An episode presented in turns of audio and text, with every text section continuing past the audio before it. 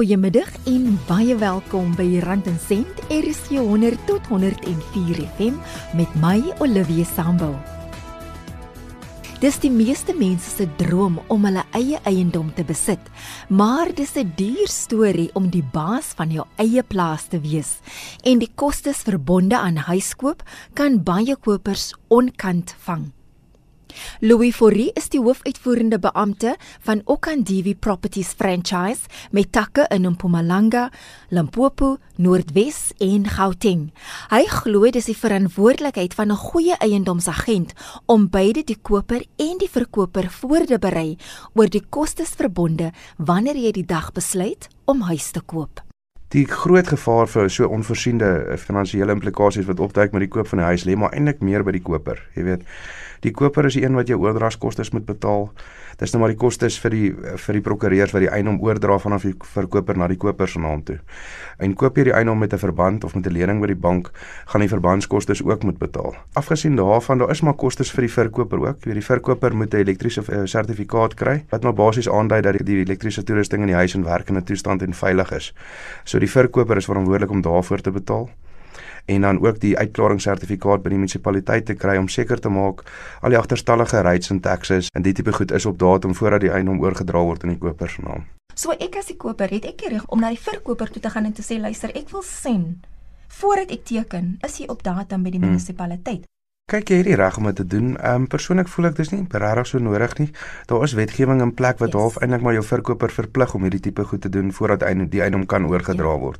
So in terme van jou levies het jy 'n sertifikaat van die body corporate af wat jy kry wat sê jy kan hierdie levies is vol betaal en opbetaal van die munisipaliteit af kry en dan natuurlik jou uitklaringssyfers. Sit jy nou byvoorbeeld met 'n geval waar hy verkoper het en hy skuld R60000 op 'n uh, rates and taxes en water en krag vir die munisipaliteit en hy het nie die geld om dit te betaal nie.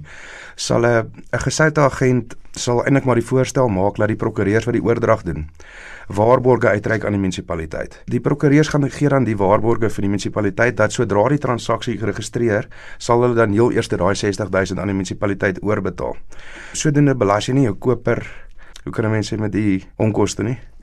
Mense kry dit uitgestryk op op 'n billike manier vir albei partye. Wat is die slaghand? Dit gebeur baie meer waar verkopers privaat hulle eiendom verkoop, nie die korrekte dokumentasie gebruik met hierin wat hierin daarse wet wetgewing in ag neem nie. Jy weet sekere tipe goedjies wat nou belangrik is wat 'n mens gedoen moet word, maar ek dink die grootste slaggat met 'n onkundige agent of 'n as jy nou direk by 'n verkoper koop is wet. Min mense besef dit, maar as jou verkoper byvoorbeeld nou geregistreer is vir wat, dan moet jy wat betaal op die transaksie, die koper. So kom ons sê jy koop nou vir 'n miljoen en die agent of die verkoper wat nou 'n private danigheid verkoop, sê die koopprys is wat uitgesluit, dan gaan jy nou 'n verband kry vir 'n miljoen en so 'n maand later gaan jy 'n verrassing kry van 150 000 wat jy nou kontant moet oorbetaal. So daai is definitief vir my, sal ek sê, die grootste slag, die grootste foutjie wat jy nie moet maak nie. Want kontraksueel is jy dan geforseer om te presteer want jy het die verband gekry.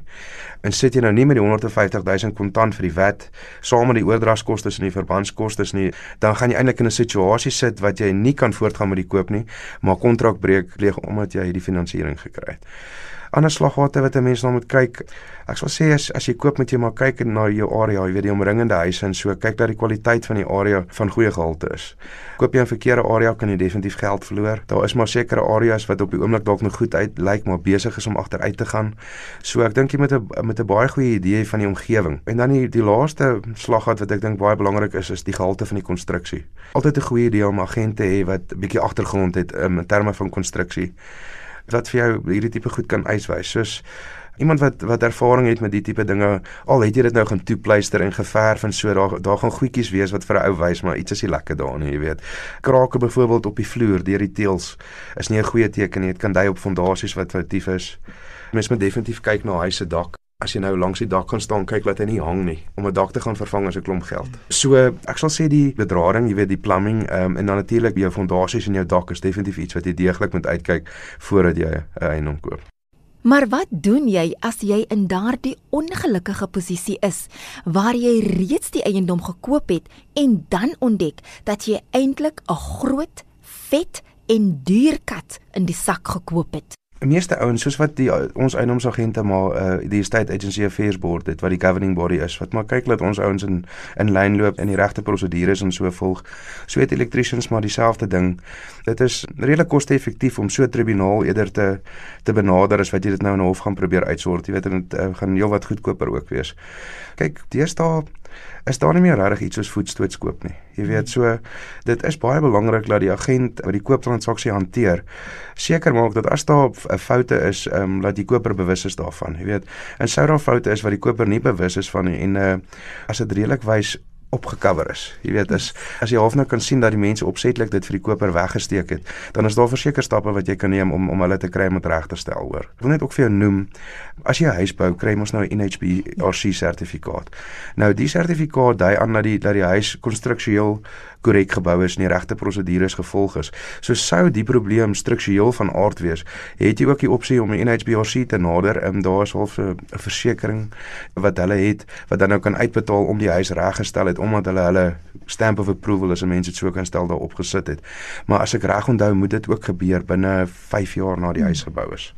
So sou dit 'n nuwerige huis wees en en jy het nou so iets gekoop en jy sit met 'n strukturele probleem, kan jy hulle nader, jy kan die body corporate nader as dit nou in 'n sekuriteitskompleks is of so en natuurlik 'n tribunaal nader as as jy nou daarna gekom is deur enigiemand van die partye. En dit was Louis Forrie van Okandivi Properties Franchise wat gesels het oor eiendom. Jy luister na Rand en Sent RSG 100 tot 104 FM. Skakel ook in op die DStv kanaal 813 of luister aanlyn by www.rsg.co.za waar jy ook die program kan aflaai. Volg ons ook op Twitter, Facebook en YouTube of stuur 'n e-pos na randensent.rsg@gmail.com. Louis Forrie glo deur slim te koop kan jy bespaar op instandhoudingskoste. Ek kry altyd kliënte aan wat koop as beleggings om suursteenhuise te koop of so. Jy weet plekke wat nie gepleister is nie, wat nie gereeld geverf moet word nie, uh, wat nie te groot tuine het nie, want dan het jy baie minder onderhoud op die huise. Die onderhoud wat 'n mens maar moet doen is is belangrik om 'n goeie huurinkomste te kry op die huis as jy dit nou koop as 'n belegging. Maar koop jy nou vir jouself dan dan wil ek nou maar hê wat jy wil hê. As jy 'n pleisterhuis wil hê, dan wil jy dit so hê, jy weet. Maar as 'n mens koop vir 'n belegging is is die onderhoudskoste definitief iets wat jy in ag moet neem, hoor. Belê nou byvoorbeeld in 'n kompleks, dan is daar levies en die tipe goed wat ook jou return on investment bietjie verlaag. Maar ek, ek raai maar altyd my my beleggers aan om klein te koop maar baie eerder 10 klein eenhede te koop as een groot een. Dit versprei jou risiko en meeste van die tyd kry jy beter huurinkomste ook op die op die eiendom gesondlik. Die belangrikste ding is om te kyk dat dit vir 'n mens bekostigbaar is. Ek dink baie mense overcommit uh, wanneer hulle koop. Jy weet, wat finansiële druk op hulle plaas. Min mense ook as hulle na huis gaan kyk, maak byvoorbeeld net 'n kraan oop. Jy weet, kyk of die water reg loop of hy lek. Maak die stort oop, jy weet, maak die krane van die bad oop, sit 'n lig hier aan, sit die oond aan. Jy weet, seker tipe klein goedjies, ek bedoel, dit gaan baie vinnig vir jou 'n indikasie gee van die tipe vakmanskap wat daar was toe die huis gebou is of toe hy gerenoveer is. Jy mag dalk nou in 'n baie standvaste finansiële situasie wees, maar Louis stel voor dat jy die onvoorspelbaarheid van die toekoms in ag moet neem wanneer jy besluit op die termyn van jou huislening. Dit is seker een van die groot redes hoekom 'n mens 'n agent en 'n bond originator moet kyk. Kyk, meeste agentskappe het bond originators wat die, wat die aansoek om finansiering, die lening aansoek hanteer. En so kry jy gewoonlik beter rentekoerse as wat jy nou direk na jou eie bank toe gaan of net na een bank toe gaan.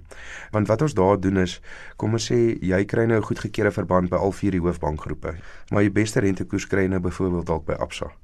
Maar jy bank by FNB dan gaan ons nou na, na jou FNB bank en sê vir hulle hoor die kliënt wil graag eerder die lening by julle bewerkstellig maar op die oomblik sit hulle met 'n beter rentekoers by Absa as by julle. So as julle dalk uh, die rentekoers kan verbeter met 0.5%, dan reël ons dat die kliënt eerder die die verband deur julle registreer. So so sodoende, ek bedoel 0.5% klink soos min rente nê, maar dit is ongelooflik baie geld oor 30 jaar. So dit, dit is definitief 'n uh, as 'n koper 'n fight wat jy moet fight, jy weet, om die beste rentekoers moontlik te kry. Dit spaar vir jou duisende rande oor oor 'n paar jaar. As ek net vinnig iets anders kan noem wat ek dink baie mense 'n fout maak. Jy weet, mense sit dalk op die oomblik in 'n goeie finansiële situasie en hulle wil 'n huis finansier en hulle voel gemaklik om om vir die verband oor 10 jaar af te betaal. Ek sê altyd dis 'n fout. Jy weet, um, ek sal die die verbandstermyn so lank as moontlik maak. Laat jou laat jou maandelikse betaling so laag as moontlik is. 'n Ou kan altyd na die tyd gaan en in dubbel die verband elke maand betaal en nog steeds oor 10 jaar afbetaal. Maar as jy nou eers geteken het vir 10 jaar, dan kan jy hom nie oor 12 jaar of 13 jaar afbetaal nie. So dan dan moet jy by daai betalingsskedule bly.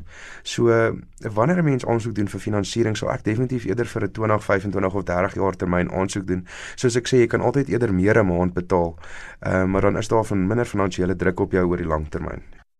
So gesels Louis Fourie van Okandivi Properties Franchise. Ian Scott, hoof van vaste rentedraande instrumente by Momentum, is van mening dat nou 'n goeie tyd is om in Suid-Afrika te belê ten spyte van al die negatiewe nuusgebeure die afgelope tyd. Wel, ek dink die eerste belangrike deel is jy is hier, jou lewe is hier en jy neem 'n uh, besluit nie net vir jouself nie, maar ook vir jou kinders en jou kleinkinders. Jou lewe is hier, so jou jou geldstelsel, jou kostes is hier. Jy gaan 10 teen die aftree as jy wil vir die langtermyn dink oor Suid-Afrika en belê. Die tweede deel is ek dink die die geleenthede om in Suid-Afrika te belê lyk net soveel meer aantreklik as op baie ander dele in die wêreld, want as ons dink dat met met al die kwantitatiewe measures wat die wat die sentrale banke al in die in die verlede geneem het is is die is die pryse baie hoog in die wêreld. So dis nie noodwendig aantreklik om net jou geld oor see te stuur te sê maar ek is bang vir Suid-Afrika en nou wil ek net my my geld uit die land uit kry nie. Ek dink nie dit is regtig 'n beleggingsteorie nie. As 'n mens oor see wil belê, dan dan moet jy regtig sê maar ek wil in oorsee se aandele of oorsee se eiendom belê want ek dink dit is goedkoop en ek dink daar's 'n geleentheid. Op hierdie oomblik dink ek daar is soveel negatiewe nuus in Suid-Afrika en jy hoef nie ver te gaan jy kan na Twitter kyk en die koerant kyk en na Facebook en ons ons weet al hierdie goeters kyk. Maar jy weet Suid-Afrikaanse markte is nie staties nie. Ons ek dink op hierdie stadium is die die pryse in Suid-Afrikaanse bates, beleggingsbates baie geval. Hulle is baie goedkoop en ek dink is 'n is 'n is 'n baie goeie geleentheid om in Suid-Afrika te belê. Kom ons gee 'n voorbeeld. As jy byvoorbeeld nou in vette in Europa moet gaan belê, moet jy basies geld betaal om by hulle te belê want hulle het negatiewe rentekoerse. In Suid-Afrika, ons het nou die inflasienommer gesien is, is omtrent 4.3%, maar ons staatseffekte koerse is tussen 9 en 10%. Dit beteken jy kry 4 tot 5% bo inflasie wat ons noem 'n reële koers. Nou dis 'n baie baie aantreklike geleentheid. Hoekom? Want jou geld groei vinniger as inflasie. Nou daar's nie baie plekke in die wêreld waar jou geld vinniger as inflasie groei nie. Wat dit vir ons sê is die pryse van hierdie instrumente in Suid-Afrika is baie laag. En ek het vir jou vroeër gesê, onthou, dit is dis die belangrikste deel van belegging is wanneer maak jy geld uit belegging uit? Is wanneer pryse laag is. Wanneer is pryse laag? Wanneer die donker wolke daar is en ons kan al die donker wolke in Suid-Afrika sien. Dit is wanneer jy die beste beleggings vir die toekoms maak. Wanneer die son skyn in markte, kom ons sê die FSA, dit gaan baie goed in hulle markte. Pryse is baie hoog. Dink ons is 'n goeie geleentheid. Dalk nie so nie, want pryse is klaar hoog. Mense dink altyd omdat pryse op en af beweeg, volatiliteit is risiko in markte. Dis nie risiko in markte nie. Wat is 'n risiko in markte? As jy die, op die dag wat jy belê te veel betaal vir daai instrument en hy verloor sy waarde. Dis volatiliteit en risiko. Dis nie om met pryse op en af beweeg nie. So prys is 'n baie baie belangrike aspek wanneer jy belê. Wat sal jy sê aan so iemand wat hy wil niks hoor nie. Ek vat my geld nou uit die land uit want ons is nou op pad na Zimbabwe toe. Dit is daai tye in die in die markte waar dit op jou omdraai en ons het dit al baie gesien. Ek sê altyd vir mense wat grys hare en plooie in die in die finansiële markte is is wel verdien. So ons het nou al 'n paar van daai tye gesien en weet in 1997 98 toe die prima koers 25% toe was het ons daai dinge gesien. In 2001 het ons dit gesien natuurlik in 2008 het ons dit weer gesien maar wanneer jy hierdie mense kry wat hierdie maksimum pessimisme het wanneer ons eintlik die, die beste beleggingsgeleenthede kry en ek sê altyd vir mense jy moet aanvaar dat dit wat jy voel in jou maag en jou emosies en jy wil net weghardloop is teen teen die teenoorgestelde wat jy moet doen met jou beleggingsgeld. So of wil jy 'n bietjie weghardloop uit Suid-Afrika uit of of so, onthou jou beleggingsgeld hierso want dit is die besluit want die pryse is laag, die geleentheid is hier. Soos ek gesê die oorseese geleentheid is is nie meer vir ons so duidelik nie. Maar ja, as jy pessimisties is, jy weet, sit maar 'n bietjie op Twitter af dalk vir 'n dag of twee en en vat dit dalk net 'n bietjie kalm. Ek sê ook vir vriende van my wat weghardloop is of wil weghardloop, maar sê ek maar sien of my wat is nou soveel beter in in ander wêrelddele want Ek dink as mense 'n bietjie koud na die wêreld kyk en sê ek, "Sjoe, Daar's groter probleme in ander dele van die wêreld. Kom ons kom ons vat byvoorbeeld mense wil altyd graag Engeland toe hardloop en dink ek die mense besef wat wat se moeilikheid of wat se implikasies Brexit vir mense in Engeland kan hê nie. Ons het geen idee wat dit vir Amerika beteken kom ons sê in 'n in 'n post-Trump wêreld nie. Dinge in Europa is nie noodwendig lekker nie as jy as jy dink wat se verskeidenheid van politiek en die, en die dinge wat ons sien in Europa is dit ook nie 'n wonderlike plek nie. China is besig om af te koel. Uh, Australië het sy eie probleme. So waar wil jy weghardloop waar jy dink nie probleme gaan wees nie. Ten minste in Suid-Afrika weet ons wat die probleme is en ek glo dit dit gaan aangespreek word natuurlik by 'n sekere tyd so baie keer moet 'n mens maar net sê wees kalm en en dink wat is sinvol vir jou lewe sonder net weg te hardloop. Politieke beleid, politieke besluite of net die uitlatings van politieke leiers het 'n groot invloed op beleggings. In 'n perfekte wêreld sou ons hooplik gewens het dat die politiek nie beleggings beïnvloed het nie, maar ons lewe nie in daai wêreld nie. Ongelukkig het ons in in die wêreld nou beland waar politici wêreldwyd en mense dink is net in Suid-Afrika, maar kom ons sê politici wêreldwyd eintlik probeer om om markte te reguleer of beheer. As jy vinnig dink aan meneer Trump oor alles wat hy al gesê het oor die sentrale bank van Amerika. Ehm um, ja, so die politici is in die middel van die ding. Ek dink mense moet kalm wees. Markte sal oor korter periodes irrasioneel optree, maar ek dink oor langer periodes kom die ware prys in in markte uit. Goeie kwaliteit instrumente oorleef meeste uh, politikuste, jy weet politikuste kom en gaan oor 'n 4 of 5 jaar periode wat ook al daai verkiesingssiklus is, maar jy weet goeie instrumente bly bly vir baie jare goeie instrumente um, wat vir jou goeie opbrengs gee. So ek ek dink 'n mens mens moet ook sê kom ons breek 'n bietjie die politiek van wat is die wat is die waardasies? Goeie aandele, goeie eiendomme sal kom ons sê korttermyn populisme in in politiek oorleef. En ons glo dit want die pensioenfondsgeld wat ons bestuur is vir mense wat oor die kom ons sê oor die volgende 10, 20, 30, 40, 50 jaar gaan gaan aftree nie vandag of môre net nie. En ja, oor 10, 20, 30 jaar lyk die politiek heeltemal anderster, maar die finansiële instrumente sal sal bly staan. Vat meer mense hulle geld nou uit die land uit of is dit maar net 'n persepsie wat geskep word? Daar is heelwat mense op 'n persoonlike vlak wat hulle geld seker uit die land uitvat, maar ons ook die mense wat geld in die land inbring. So as ons 'n bietjie na die kapitaalmark kyk, het ons seker oor die laaste jaar of twee het ons heelwat geld verloor, maar dis nie 'n Suid-Afrikaanse spesifieke effek nie. Ek dink op op op op die kant is dit 'n is dit 'n Suid-Afrikaanse ding mense wat bekommerd is en en wil immigreer. Maar wat meer belangrik is is hoeveel die oorseese beleggers in en uit Suid-Afrika uitkom. So as ou vinnig na die die statistieke gaan kyk, ja in Augustus het die buitelanders omtrent 14 miljard van ons staatseffekte verkoop. So jaar tot datum lyk dit of hulle omtrent so netto verkopers van 7 miljard is. Nou sê ja, maar jy weet dis nou 'n Suid-Afrikaanse ding. Nee, glad nie. Ehm um, ek dink dis meer 'n wat ons noem 'n ontleikende mark ding. So wat ons nou gesien het is oor die laaste 6, 9, 12 maande is natuurlik nou hierdie kom ons noem dit nou maar hierdie handelsfriksie, hierdie hierdie tariewe wat meneer Trump teen China sit. Nou wat beteken dit uh, vir die man op die grond? Hoekom sien ons hierdie uitvloei wel? As hierdie handelsfriksie kom en die tariewe kom, is mense bekommerd oor wêreldgroei. Ons ons kan klaar sien dat groei in China besig is om af te plat groei in ontleikende markte is besig om af te plat. In Europa, veral uh, in Duitsland is groei besig om vinnig af te plat. Ons sien in Brittanje is groei besig om af te plat. So doen mense? So ewe skielik as mense bekommerd raak en ons praat van oorseese beleggers wat geld in ontleikende markte so Suid-Afrika gesit het, dan sê hulle, "Ons is nou bekommerd oor die wêreld." Geen my my geld in Suid-Afrika terug. Ek wil dit graag geweet terugsit in die VSA, ek wil dit terugsit in Europa, ek wil dit terugsit waar ek al ek ek bly. So ja, ons het hierdie uitvloei uit ontleikende markte, maar Suid-Afrika is maar deel van die ontleikende markte. So Turkye het uitvloeie, Brasilië het uitvloeie. Ek dink nie ons is enigstens anders as as hulle nie. As ons weer 'n bietjie kalmte in die wêreld sien, dan sal mense wat in gevestigde markte is weer sê wel weet die die pryse van ontleikende markte lyk aantreklik ons sal geld weer terugsit. So ek dink dis maar 'n dis maar 'n siklus en as mense bekommerd is dan gaan geld uit ontleikende markte uitgaan. Dit was Ian Scott van Momentum. Net 'n regstelling. Verlede week het ek gesels met West Hendricks van Gauteng North Obstacle Course Race en nie Gauteng North Obstacle Race Course nie. Met die reeks wat ons oor die werkloosheidsversekeringsfonds gedoen het, het ons talle vrae van luisteraars gekry wat wil weet hoe dit werk as jy gaan eis van die fonds wanneer jy aftree.